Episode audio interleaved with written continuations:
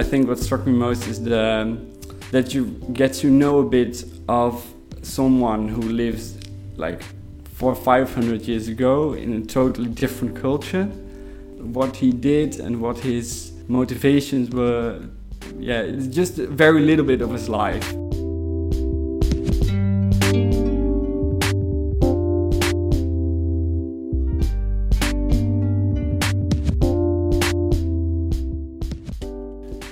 university without its students. On behalf of the Leiden University Libraries, I will dive into student life in Leiden. In this episode, students who research an antique Chinese manuscript.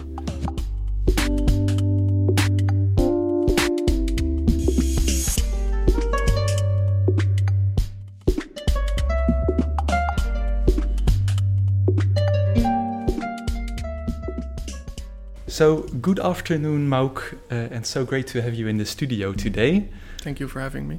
Yeah, you are one of three students that studied a rare Chinese imperial edict. And this edict was recently acquired by uh, Leiden University Libraries. And, and first of all, could you tell me uh, why this edict is so uh, special? Um, I will. I will try. Well, first of all, uh, this edict is so special because it dates back from the Ming Dynasty, which is a Chinese dynasty which, which dates from 1368 to 1644. Um, this means this edict is more than 400 years old, at least. There are also several dates visible on this edict, uh, and with our internship, we converted this to the Western calendar, and that converted to November 26th of 1582 which is really interesting because not many Ming Dynasty uh, stuff has survived the ages, so to speak. And you have a very exact date uh, yeah. in which this document was released. Exactly, because under are dates given in ancient Chinese, and uh, we can convert those to our dates, which makes it really special. And what makes it more special is this is that this edict is directly issued by the Wanli emperor at the time. Therefore, it allows researchers nowadays to uh, research directly into his, uh, like the Wanli emperor's uh, reign, with a primary source. So you're almost directly in uh, when you have the document in front of you. You're almost directly in touch with the the, the yes. emperor of those days. Yes, that's exactly right. Okay, wow, that's very special. And and I heard you studied this edict uh, mostly on your computer, uh, since it is very uh, fragile and, and costly, of course. But just before this conversation, uh, you had the chance to look at the actual physical uh, object. And, and how did it feel to see the edict in real life for the very first time? Yeah, it's, it is true that you, you say uh, we only study this on the computer, and that's because of, of course, COVID. But when you then actually see what you spend so many hours like looking at on the screen, um, it's a, it's an awesome experience because uh, it, this is one thing I also discussed with the restorers myself. They, they said like when you work with a piece this old, it's like giving an uh, a window into the times back then. So it's it's like a direct look into the daily lives of the people back then. Yeah, which is amazing. And as a aspiring sinologist, I should say, the cal- the calligraphy on the piece is also very uh, very clean and very nice. And uh, as someone who really wants to improve my own writing of Chinese characters, it's really it's really inspiring to see something as uh, as nice as this. Yeah, I can imagine. Um, well, later on, uh, with uh, uh, another student, I will discuss uh, the contents of the of the text. Uh, but uh, first of all, I would like to to get a, physical description of the object, so that our listeners understand what we are talking about. And I heard that this is that this is your your field, right? Um, so we are talking about um, a text that is written on a silk scroll. Okay. Uh, the scroll itself it measures about 154 centimeters uh, in width and 29 centimeters uh, long. Um, on this silk fabric, uh, there's also a cloud pattern visible. Um, and the text itself is read from the right to the left instead of like in the west from the left to the right. Yes. and this the text itself consists of 31 columns with um, as many as 13 characters in each column. Um, it is calligraphed calligraphed in a normal style calligraphy which in chinese is called kai shu uh, and the original roller of the scroll uh, is missing but because the characters on the left side remain a little bit darker in color um, we know that because of the friction that's caused by rolling up a scroll, the original roller should be on the right side. So, so these are uh, little secrets that you can uh, that you can distinguish uh, by only looking at, at the edict it's, itself. Yes, Yeah. you really get a feel of its um, authenticity, so to say, if you really look at it. Okay. So um, you already used the word uh, auth- uh, authentic- authenticity. Um, that's a very uh, hard word to pronounce. um, uh, and I I think that is related to uh, to the word provenance. Is that is that correct? Yeah, I think you're exactly right with that, because provenance is the term um, we use. Well, we it, that is used to describe an item's um, historical ownership. So, so to say, it's uh, it's pedigree, so to say. it's uh, it's it its provenance is like the proof of an item's authenticity, which is important because these kinds of items we're talking about, this edict, has a certain value for scholarly research. Um, because if you s- study something that you can confirm is authentic, you know that what you're discovering is also based on the truth and factual information. In that way, you can uh, you have to establish whether whether it's not a, a fraud, for example. Yes, Yeah, exactly. Yeah. Okay. because for for this uh, for this piece we know that it started out as like a a token of gratitude from the emperor to a family a family and this family had it in their possession for a long time but eventually sold it to collectors and those collectors eventually sold it to another collector a Dutch collector actually Robert van Gulik whose uh, own personal seal is also on the item um, I interviewed uh, his son as well, Robert van Gulik's son, Thomas van Gulik, and he also gave me a lot of insights into the authenticity of this uh, item. He vividly remembers how his father kept the scrolls in his uh, in his study in drawers, and um, when friends came over, they started to to roll them out and discuss them. So, as an aspiring sinologist, that's really um, what it's, it's a really inspiring uh, personality in the sinologist world. So that's why this edict is even more special because, um, yeah, this man sets sets such a big example for like the rest of us. Yeah. So it must be feeling like you're following in his footsteps yes, a little almost. bit. Yeah. Yeah. All right. I'm also thinking about uh, buying a a guzheng, uh, which is uh, an ancient Chinese instrument that Robert van Gulik also uh, played, but that's just a little thing extra on the side. Okay.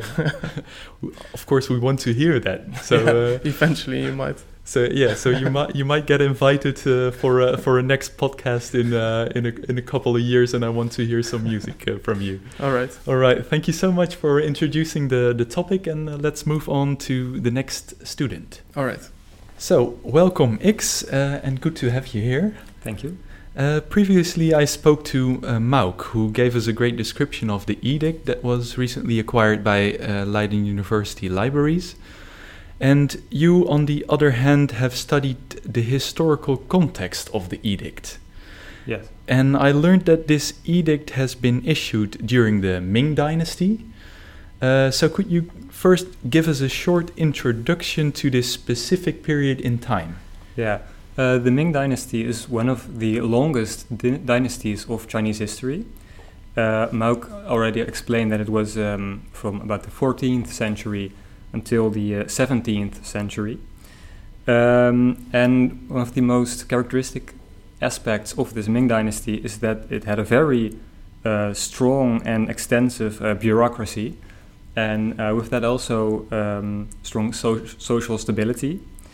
Um, now, the edict itself was published in 1582, so that's more um, during the uh, second half of the Ming Dynasty. Only 60 years later, the dynasty would fall. Um, and usually during the um, end periods of a dynasty, um, there is more social unrest, more instability. Um, and for, for this specific period, specific decade, um, there was also a, a, little bit of political um, unrest, you could say. Yeah, and and I I heard that this edict was issued to uh, to a civil servant, uh, and um, but how were these edicts generally uh, used?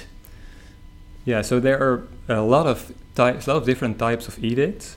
Um, this specific type of edict um, was was used to um, honor or punish um, officials or their families. In this case, it was um, aimed at the family of a um, the parents, more specifically, of one um, of one uh, official, and um, through such edicts, um, titles or, or, honors were were um, given or, or, stripped away from certain people, and that of course uh, for for the receiving party, this the honors would um, would go with a lot of social standing, um, but also could include a monetary gift, for example, a, a salary, which could also be herit- hereditary.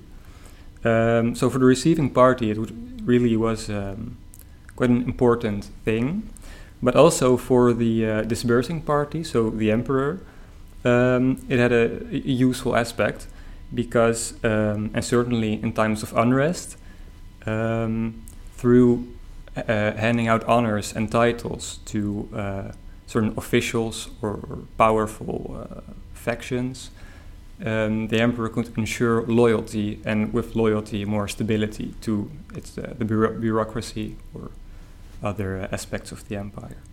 Yeah, and in this specific uh, edict, is this is also about uh, giving or handing out uh, titles. Uh, can you give a short uh, description of what, what kind of titles we, we are talking about? Yeah, so um, the titles, it could be um, purely nominal, um, so, so just um, regular honors, which, which could increase social standing. Um, but it could also be, be very specific certain certain ranks, um, which which would um, be accompanied by um, advantages in, for example, as I said, salary or other types of um, of things such as exemption from um, corvée labor or, or other advantages. Well, the the fun thing about this edict is that not only uh, the the civil servant in question uh, received a title, but also his uh, parents. Um, can you explain a little bit what what happens there? Yeah. So um, his his parents are basically. Um, honored as having created the uh, atmosphere in which their son could rise to uh, a high position in the uh, bureaucracy. And uh, so one of his mothers is, for example, granted the title Great Lady of Suitability. Um, but what's interesting is that um, it, the, the, the, way the parents are um, lauded differs between the, the father and the mothers of, of the uh, official in question. Um, because the father um, he is uh, described as really the source of um, uh, the ability of his son, while the mothers are um, more regarded as having assisted their husband in creating uh, their son, so to speak. And also they're um, described as being humble and uh, in that way you can really clearly see that the mothers are regarded as second rank and really um, as more of an assistance to the husband who made it all happen. So Yeah. to speak. Yeah, and just to to clarify, uh, you, you're talking about mothers because one uh, one mother uh, has been deceased. I I understood, and uh, and the second mother of of the the same husband is the biological mother of the son uh, in question. Is that correct? Yeah, exactly. Yeah, okay, and and what does this uh, this difference in in the in description of uh, of uh, the father and the two mothers? What, what does does this tell us about uh, the Ming Dynasty? Yeah, so um, in the Ming Dynasty, there was a very uh, strong um, cultural trend, uh, certain, which started uh, in the, the second half of the Ming Dynasty um, and has been called the cult of chaste womanhood. Um, and this, this trend was really fixated on um, pureness of women. And so, what's kind of ironic is that one of these um, requirements for this chaste womanhood was that when a husband deceased, um, the woman was not to, ta- to remarry. And as we've just uh, uh, discussed, the um, husband in this case did remarry. And uh, this, this system of uh, chaste womanhood was um, extra strong in the Ming Dynasty as it was um, reinforced by a policy of uh, Ming Dynasty. It, certain um, elements already existed uh, way before the Ming Dynasty, but um, through, for example, reforms in uh, state awards granted by the Ming Dynasty, um, this um, trend was, was further reinforced. So it gives uh, this this edict that has been recently been uh, been acquired gives a, a nice insight into the patriarchal uh, society that the Ming Dynasty was tha- then. Yeah, exactly. It really shows um, the more the power difference and, and the sense difference in standing between the uh, men and women, and uh, this this these state awards in this cult of chaste womanhood is, is only an example of how in the late Ming Dynasty um, this this trend was um, way stronger than it was previously. Yeah. And so, in, in that um, context, this piece fits really well. All right. Thank you. Um, so um, you you know you know quite a lot about uh, about history and about uh, the Ming Dynasty in uh, in particular, um, but it must have been a, a, a quite a big undertaking to to write uh, this historical context. H- how did you uh, how did you go about? Yeah. Well, luckily, um, the instructors did help me. For example, in um, specific directions and also in providing sources, because I think the uh, biggest challenge for me personally in this uh, internship was um, working with sources written in Mandarin.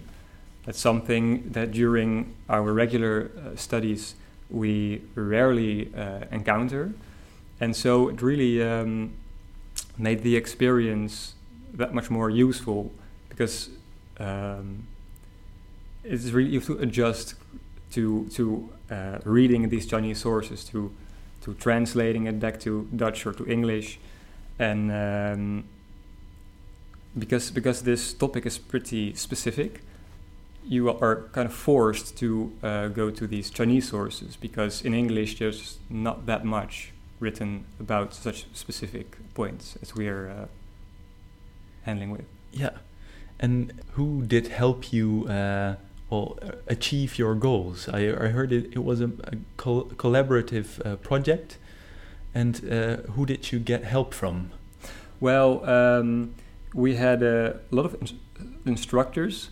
For example, um, my work was, was always checked by uh, at least three historians and also some uh, curator from uh, uh, Leiden University, Leiden University Library.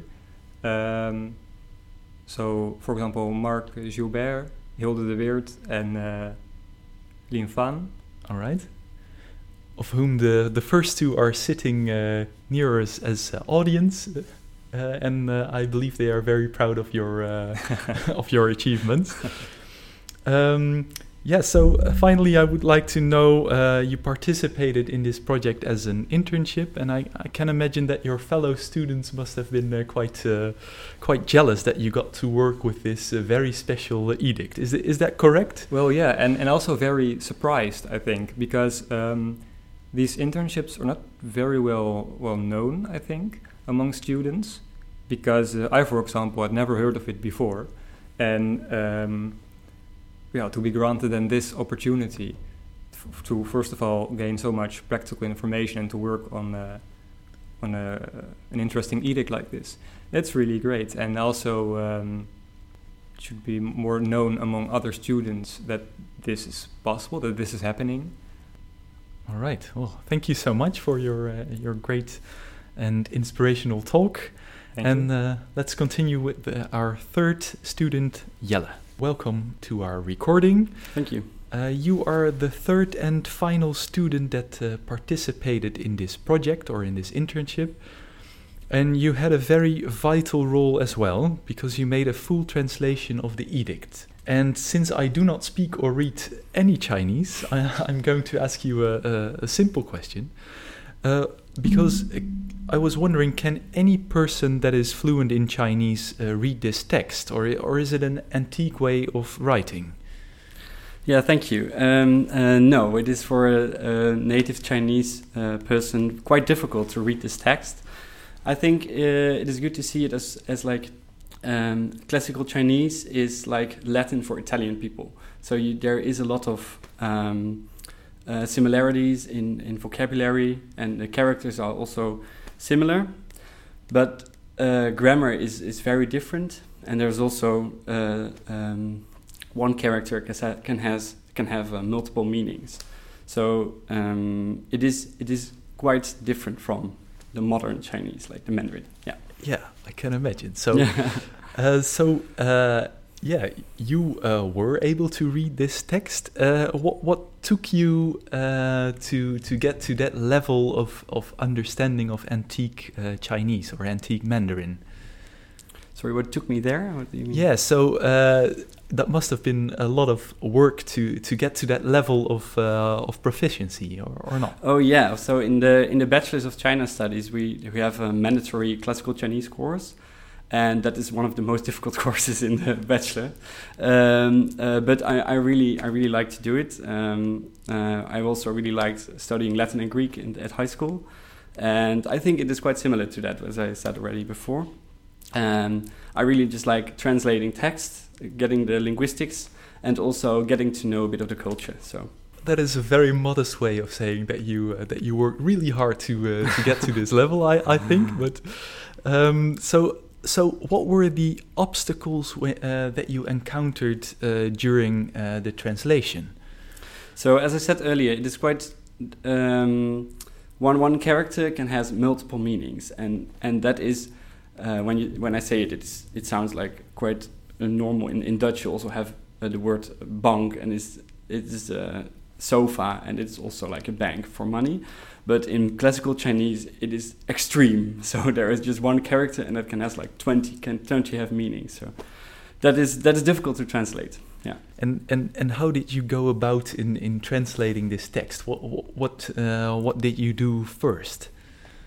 So at first, I just uh, scanned the text to see like, is there any character I know already that I can just fill in already, and then I just translated the text one time, and then you get a text that doesn't make any sense because I, I it's just really hard to at first time uh, translate the text, and then I did it twice, uh, three times, four times, and then I went to Fan and Jalong who supervised me during the process and they got back to me and I translated once more and then I get like a translation that is useful. So it is just really a process to get to know uh, to get to the translation. Uh, so your your first text, uh, what what did it say? Well, it, it did not say anything. It's just like word by word translation, and many times I used like the wrong uh, translation. So then you get like a sentence that th- th- I, I don't remember because it doesn't make sense.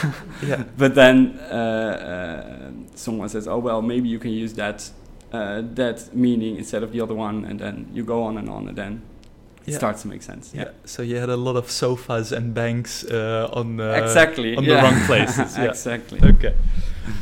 Um, so once that you had translated the full text and all sofas and banks were gone, uh, what, what what struck you most?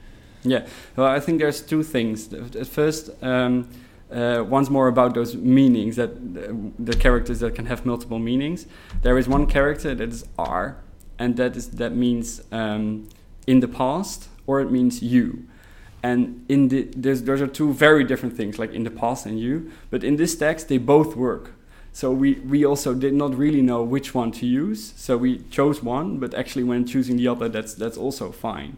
So that I think that that struck me when translating the text. And then when I saw the full text, I think what struck me most is the that you get to know a bit of someone who lives like four five hundred years ago in a totally different culture, um, and then you really get kind of a bit what he did and what his motivations were. And I know, yeah, it's just a very little bit of his life, but still, it is a bit, and I think that's cool. Yeah, and what did that do for you? Uh, what, what was it? Uh, what was it that struck you about getting to know someone a little bit better? Yeah, I think it's just um, not only uh, time-wise, but also location-wise. That that I'm I'm in the Netherlands, and he lived 500 years ago in in China, and the culture back then was also different from Chinese culture now.